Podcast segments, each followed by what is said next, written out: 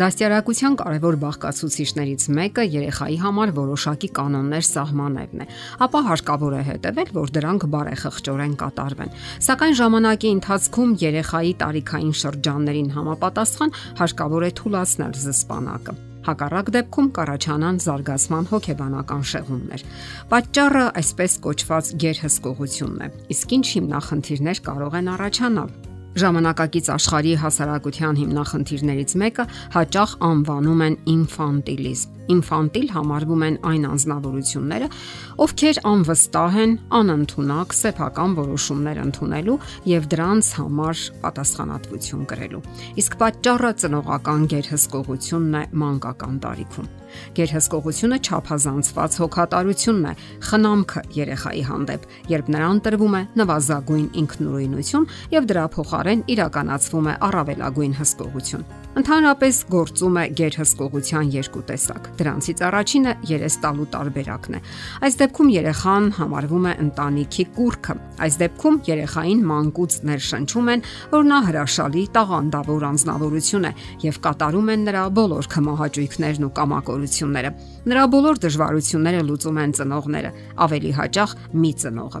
Այսպիսի երեխայի համար բնորոշ է հավակնությունների շատ բարձր մակարդակը։ Նա ձգտում է առաջնորդ լինել, աչքի ընկնել, լինել ուշադրության կենտրոնում։ Դրանք իհարկե այնքան էլ վատ բաներ չեն, սակայն նա կարող է հիմնախնդիրների բախվել մարդկային որևէ խմբի մեջ։ Ասենք մանկապարտեզում, դպրոցում, երբ սпасում է նմանատիպ ուշադրության եւ չի ստանում։ Իսկ ավելի հաճախ նրա ընտունակությունները չափազանցված են լինում եւ շրջապատում չստանալով բավարար գնահատական նա հիասթափվում է։ Այսպես ձևավորվում է անznավորության հիստերիկ տիպը, որը ձգտում է փառքի ու հաջողության, սակայն չնչին անհաջողության դեպքում իսկ նյարդային ցնցումներ է ապրում, ինչը հետագայում կարող է նույնիսկ տարբեր խեղաթյուրումների,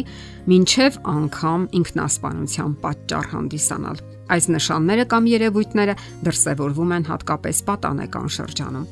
Այսպիսի երեխային կարող է ճնշել ոչ թե սիրո անբավարարությունը, այլ սիրո ավելցուկը։ Իսկ նրա ազատությունը թվացial է։ Խրախուսվում է այն ակտիվությունը, որը գովասանքի է տանում։ Դա իսկ նրա կամայականություններն ու ցանկությունները կատարում է մի փոքրիկ խումբ միայն ծնողները, լավագույն դեպքում տատիկ-պապիկները։ Իսկ ահա կոլեկտիվում նրան լուրջ դժվարություններ են սպասում։ Գերհսկողության մյուս տեսակը ճնշումն է Դասյարակության այս դեպքում կարելի ասել խլում են երեխայի կամքը։ Սրա պատճառով են կյանք մտնում ինֆանտիլ կոմպլեքսավորված անznավորություններ։ Գերհսկողության այս դեպքում բնորոշ են երեխայի գործունեության ոլորտների սահմանափակումը, մշտական արգելքները, ինքնուրույնության սահմանափակումը։ Հսկվում է երեխայի յուրաքանչյուր շարժումը, կանոն է դառնում յուրաքանչյուր մանրուկ։ Այս ամենը հոգեբանական լուրջ ճնշում է եւ ամեն երեխա չէ որ կարող է դիմանալ իսկ նրա ընտունակություններն ու հմտությունները նվազում են այսպես կոչված անվտանգության ու հսկողության պատճառով։ Արդյունքում երեխան իսկապես դառնում է անընդունակ կատարելու իր տարիքին համապատասխան նույնիսկ տարական առաջադրանքները քանի որ մեծանում է այն համոզմունքով, որ ինքը դեռևս երեխա է եւ կարող է սխալ կատարել այս կամ այն բանը։ Դաստիարակության այս ձևը նույնն է, ինչ բռնակալականը։ Այս դեպքում ծնողը վերածվում է հավերժական հեղինակության։ Նրա կամքը օրենք է։ Նույնիսկ տպավորություն է ստեղծվում, թե ծնողն ու երեխան միազուլված են։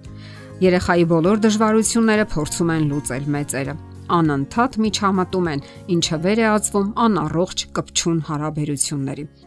Երեխաներն ապրում են կարծես ծնողների կյանքով։ Նույնիսկ նրանց արտահայտություններն են օգտագործում, նրանց հայացքն ունեն։ Դե իսկ արդյունքները հասկանալի է, միայն բացասական։ Երեխան դառնում է վախվորած, յենթակա, երկչոտ։ Նրա մոտ զարգացած չեն շփման, փոխհարաբերման ընտունակությունները երբեմն ցածր է ճանաչողական մտավոր ընտունակությունը, քանի որ իրենից միայն մի բան է պահանջվում՝ կապվածություն եւ հնազանդություն։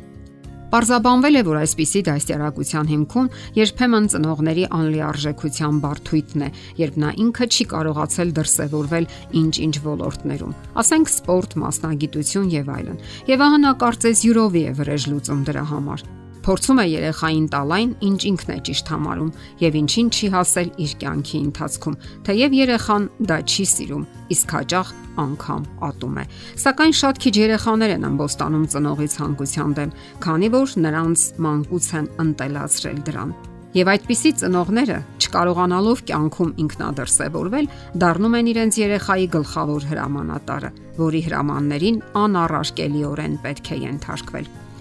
Գերհսկողություն նախաձեռնողը որոշ ընտանիքներում հաճախ լինում են տատիկները։ Դա փոխանցվում է ավանդաբար։ Նման ընտանիքներում դաստիարակության հարցում կարող են լինել տարաձայնություններ։ Յուրաքանչյուրը պնդում է իրենը՝ հայրը, մայրը, տատիկը, եւ երեխան պարզապես տագնապահար է լինում հակասական հրահանգներից։ Իսկ հետևանքները ողբալի են երեխայի համար։ Ահա ոչ լրիվ ցուցակը՝ անլիարժեքություն, երկչոտություն, բարթույթներ, անվստահություն, հետընթաց զարգացման մեջ եւ երեխան չի կարողանում լիովին ընդգրկվել սոցիալական հարաբերությունների մեջ։ Իհարկե, որոշ երեխաներ ապստամբում են եւ կարողանում են փոփոխությունների հասնել, սակայն ոմանք չեն կարողանում։ Իսկ ելքը մեկն է՝ ժամանակին թույլաtsնել զսպանակները եւ հնարավորություն տալ երեխային դրսևորելու իր կամքը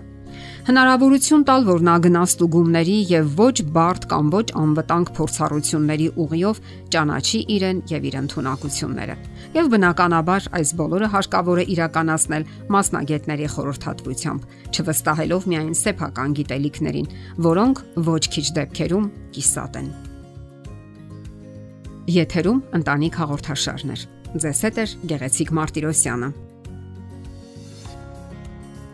Հարցերի եւ առաջարկությունների համար զանգահարել 033 87 87 87 հեռախոսահամարով։